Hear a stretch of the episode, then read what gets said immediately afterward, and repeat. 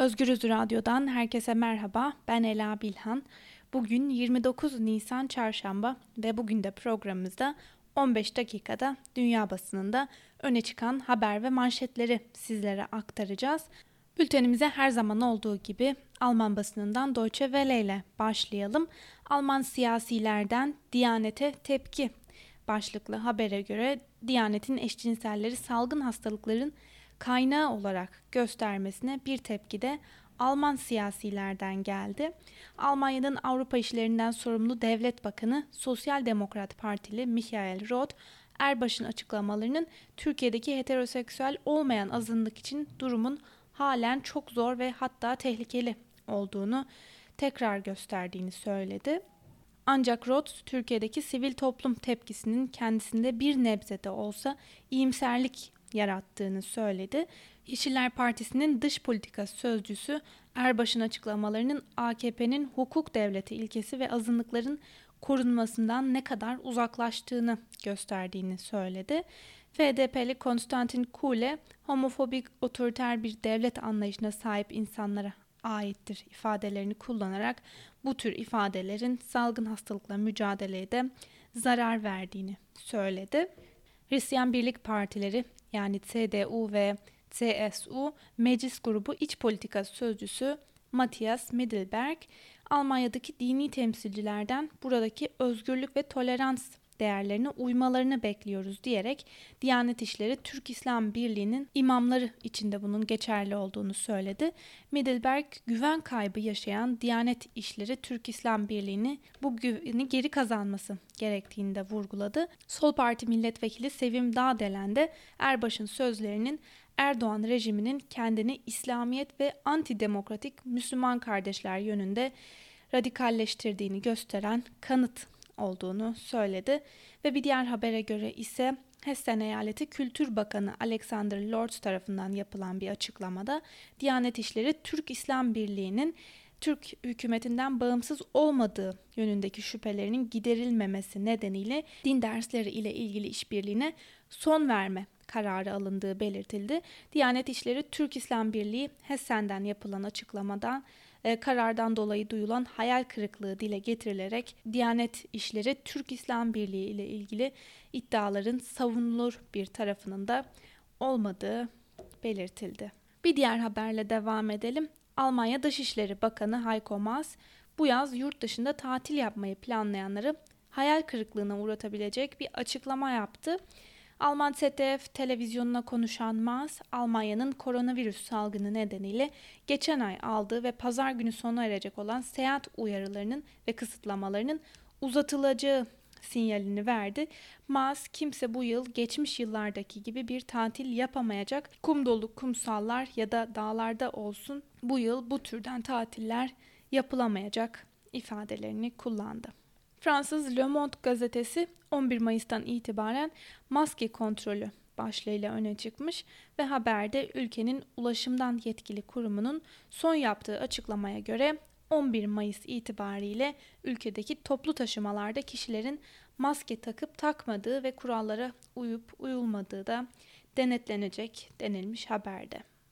Fransa'ya dair bir diğer haber ise Bloomberg'de yayınlandı. Fransa'da yeni tip koronavirüs salgınına karşı alınan tedbirlerin kademeli olarak kaldırılması planı ulusal mecliste de onaylandı. Hükümetin söz konusu planına iktidardaki Cumhuriyet Yürüyüşü Hareketi ve Demokrasi Hareketi e, destek verirken sağ ve sol partiler buna karşı çıktı. Karara göre ülkede serbest dolaşımın sınırlandırılması kuralı 11 Mayıs'ta kaldırılacak ancak günlük vaka sayısının öngörülemeyen şekilde artması halinde bu kural tekrar uygulanacak denilmiş haberde. Bültenimize Euronews ile devam edelim. Alman medyasında yer alan haberlere göre Karlsruhe'deki Helios Kliniğinde kalp damar cerrahı olarak görev yapan Metin Çakır sosyal medya hesabından bir hekim olarak eşcinselliğin, transseksüelliğin hastalık olduğunu belirtmek isterim paylaşımında bulundu. Almanya'da kalp hastalıkları uzmanı Metin Çakır'ın sosyal medya hesabından eşcinselliği hastalık olarak nitelendirmesinin ardından da görevinden alındığı belirtildi.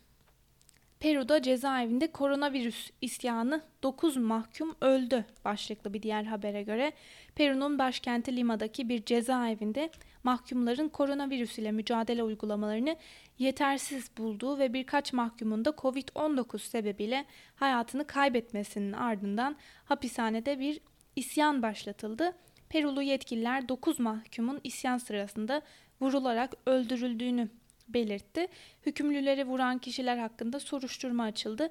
Peru'da aşırı yoğunluktaki hapishanelerde şu ana kadar 13 kişi Covid-19'dan hayatını kaybetti. 500 mahkum koronavirüse yakalanırken 100'ün üzerinde hapishane çalışanın da e, Covid-19 görüldü denilmiş haberde. Amerikan basınında yer alan haberlere de kısaca göz atalım.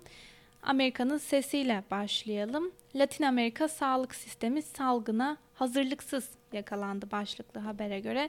Global Health Intelligence danışmanlık şirketinin kurucu direktörü Guillaume Corpart yaklaşık 630 milyon kişinin yaşadığı Latin Amerika'da 21.750 hastane 50 bin ameliyathane ve 1 milyon yatak bulunduğunu ancak bu sayıların salgının büyüklüğüne ve kişi başına düşen yatak sayısına bakıldığında Latin Amerika için yetersiz olduğunu ifade etti. Bugüne kadar yaklaşık 180 bin vakanın görüldüğü ve 9 bin kişinin de hayatını kaybettiği Latin Amerika'da Nikaragua %23, Honduras %9.2, Meksika %9.2, Haiti %7.9 ve Brezilya %6.8 gibi yüksek ölüm oranlarıyla dikkat çekiyor denilmiş haberde. ABD'ye dair bir haberle devam edelim. ABD'de bir önceki başkanlık seçimlerinde Demokrat Parti'nin adayı olan Hillary Clinton 2020 seçimleri için Joe Biden'a desteğini açıkladı. Clinton eski başkan yardımcısı Biden'la birlikte online bir etkinlikte yaptığı açıklamada Joe Biden gibi bir lidere, bir başkana ihtiyacımız olan bir zamandayız ifadesini kullandı ve öte yandan Trump'ın kampanya müdürü Brett Parscale yaptığı açıklamada Başkan Trump Clinton'a karşı bir kez galip gelmişti. Şimdi de Clinton'ın seçtiği adayı yenecek dedi denilmiş haberde. Sıradaki haberimize geçelim. New York'ta metroda yaşayan evsizler tartışması başlıklı bir diğer haberle devam edelim. New York'ta salgın sonrasında yeniden ekonomiyi açmak için alınacak ek önlemlerle ilgili tartışmalar sürerken kentin evsizlerle ilgili sorunu da yeniden gündeme geldi. New York Daily News gazetesi metroya maskesiz olarak binen metro istasyonlarında yaşayan çok sayıda evsizin fotoğrafını yayınladı. New York valisi Cuomo toplu taşıma araçlarını daha çok zaruri görevlerde bulunan ve zorunlu olarak işe gitmek zorunda olan New Yorkluların kullandığını belirtti. New York Belediye Başkanı Bill de Blasio, Büyükşehir Ulaşım İdaresi'nden evsizlerin metro araçları ve metro istasyonlarından çıkarılmasını istedi. Blasio bazı metro istasyonlarının evsizler çıkarıldıktan sonra geçici olarak kapatılıp dezenfekte edilmesi çağrısında bulundu ve evsizler için 200 yatak kapasiteli ek yerleri sağlayacağız dedi ifadelerine yer verilmiş haberde. New York Times zirve noktaya ulaşan ölüm oranları salgın verilerinin eksik rapor edildiğini gösteriyor başlığıyla öne çıkmış. Hastalığı Kontrol ve Önleme Merkezi'nden yapılan bir açıklamaya göre virüsün öldürdüğü kişi sayısı rapor edilenden ve açıklanandan çok daha fazla. Özellikle Colorado, Illinois, Maryland, Michigan, New York ve New Jersey'deki ölüm oranları ve resmi olarak açıklanan ölüm sayıları karşılaştırıldığında arada rapor edilmeyen ölümlerin olduğu sonucuna vardıklarını belirten merkez, sağlık sistemi üzerindeki baskıdan dolayı bazı Amerikalıların tedavi edilebilir hastalıklardan hastanelere gitmekten kaçındıklarını ve belki de bu yüzden hayatlarını kaybetmiş olabilecekleri belirtilmiş. Washington Post gazetesi ise ekonomiyi yeniden canlandırma çalışmaları çalışanlara ve tüketicilere karşı başlığıyla öne çıkmış. Çeşitli eyaletlerdeki hazırlıklar çalışanları ve müşterileri ABD ekonomisinin canlı kalmasını sürdürmeye ikna etmenin zor olacağı gerçeğiyle karşılaştı denilmiş haberde. Bültenimize Independent'la devam edelim. Brezilya Yüksek Mahkemesi eski Adalet ve Güvenlik Bakanı Sergio Moro'nun ortaya attığı ve Devlet Başkanı Bolsonaro'nun polis teşkilatının yürüttüğü incelemelere müdahale etme çabası içinde olduğu yönündeki iddiaların soruşturulmasına karar verildi. Mahkeme belgesine göre Bolsonaro hakkında listelenen 7 suçlama arasında görevi kötüye kullanma ve adaleti engelleme de yer alıyor. Eski Adalet ve Güvenlik Bakanı Sergio Moro, federal polis şefinin kovulması nedeniyle Bolsonaro ile yaşadığı anlaşmazlığın ardından geçen hafta istifa etmiş ve devlet başkanını siyasi müdahalede bulunmakla suçlamıştı denilmiş haberde. Trump'a dair bir haberle devam edelim. ABD Başkanı Donald Trump ülkede yeni tip koronavirüs vaka sayısının 1 milyonu geçmesini test sayısındaki artışa bağlayarak ilerleyen günlerde daha fazla vaka görüleceğini çünkü daha fazla test yapacaklarını söyledi. Trump ilk zamanlar yaptığı yorumlarda salgını ciddiye almadığının hatırlatılmasına karşılıkta bazı iyi uzmanlar, iyi insanlar bu salgının ABD'yi etkilemeyeceğini söylemişti. Bu salgının Çin dışında hiçbir yeri etkilemeyeceğini söylemişlerdi. Biz de her zaman olduğu gibi uzmanları dinliyorduk. Bu uzmanlar yanıldı. Birçok insan yanıldı. Salgının bu kadar ciddi olacağı bilinmiyordu ifadelerini kullandı. Bir diğer habere göre ise Beyaz Saray'ın ödemeleri siyaset malzemesi haline getirdiğine dair suçlamalar gündemdeyken ABD yönetiminin koronavirüs destek paketi kapsamında vatandaşlara gönderdiği çekler Donald Trump'ın imzaladığı bir mektupla birlikte ulaşıyor. Fakat program Trump yönetiminin ödemeleri yeniden seçilme şansını arttırmak için siyaset malzemesi haline getirdiği iddiaları nedeniyle de tartışma yarattı. Politico'nun haberine göre reklam yasağı yasası Başkan Trump'ın veya Başkan Yardımcısı Mike Pence'in imzasının veya adının reklamını yapan herhangi bir materyal için federal hükümete ait dolarların kullanılmasını yasaklıyor. Hindistan'dan bir haber var. Hindistan'da hükümet yanlısı televizyon kanalları, sosyal medya kullanıcıları, yazarlar ve gazetecilerin aralarında bulunduğu kişi ve kurumlar Müslümanları adeta hedef tahtası haline getirdi. Hindistan'da iktidardaki Bharatiya Janata Partisi'nin bir milletvekili olan Suresh Tiwari yeni tip koronavirüs salgını sırasında tüketicilere Müslüman satıcılardan alışveriş yapmamaları önerisinde bulundu. Tiwari'nin bu açıklamaları ülkede tartışmaya neden oldu.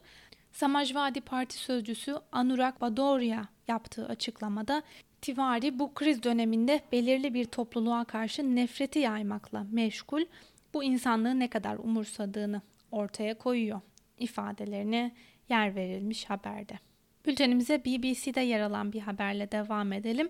Rusya'dan bir haber var. Rusya'da koronavirüs pozitif vaka sayısı Çin'de ve İran'da görülen toplam vaka sayısını geçti.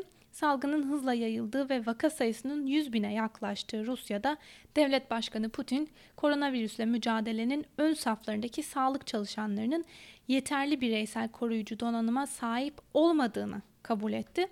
Putin televizyonlardan naklen yayınlanan briefinginde önceki zamanlarla kıyaslandığında çok daha fazla üretiyoruz ama hala yetmiyor. Üretimdeki, ithalattaki artışa rağmen her türlü malzememiz eksik diye konuştu denilmiş haberde. Bültenimizin sonuna doğru yaklaşırken Birleşmiş Milletler'in açıkladığı bir raporu sizlere aktaralım. Birleşmiş Milletler Nüfus Fonu koronavirüs salgınında uygulanan karantina önlemleri nedeniyle en az 15 milyon daha aile içi şiddet vakasının yaşanmasının öngörüldüğünü açıkladı. Örgüt ayrıca dünya genelinde 10 milyonlarca kadının doğum kontrol haplarının erişiminin sınırlanması yüzünden 1 milyon kadar istenmeyen hamilelik görülebileceği öngörüsünde bulundu. Birleşmiş Milletler'in açıkladığı veriler 193 ülkeyi kapsıyor ve rapor edilmesi beklenmeyen olası vakaları da içeriyor. Düşük ve orta gelirli 114 ülkede koronavirüs önlemlerinin 3 ay daha devam etmesi halinde 44 milyon kadın da doğum kontrol haplarına erişemeyecek. Bunun da 1 milyon istenmeyen hamilelikle sonuçlanabileceği belirtiliyor. Ve son olarak İngiltere'de yayınlanan Guardian gazetesi de dünya genelinde hükümetlerin rapor ettiği aile içi şiddet vakalarında artış yaşandığına dikkat çekti. Guardian'a göre araştırmacılar mevcut programlarla 10 yıl içinde 5.3 milyon kız çocuğunun sünnet edilmesini engelleyebileceklerini umuyorlardı. Şimdi bunun üçte bir oranında azalabileceği söyleniyor ve bunlara ek olarak salgının etkisiyle önümüzdeki 10 yıl içinde çocuk evliliklerinin sayısının da 13 milyon daha artacağı tahmin ediliyor. Sevgili Özgürüz Radyo dinleyicileri, bu haberle birlikte bugünkü programımızın da sonuna geldik. Yarın aynı saatte görüşmek dileğiyle. Şimdilik hoşçakalın.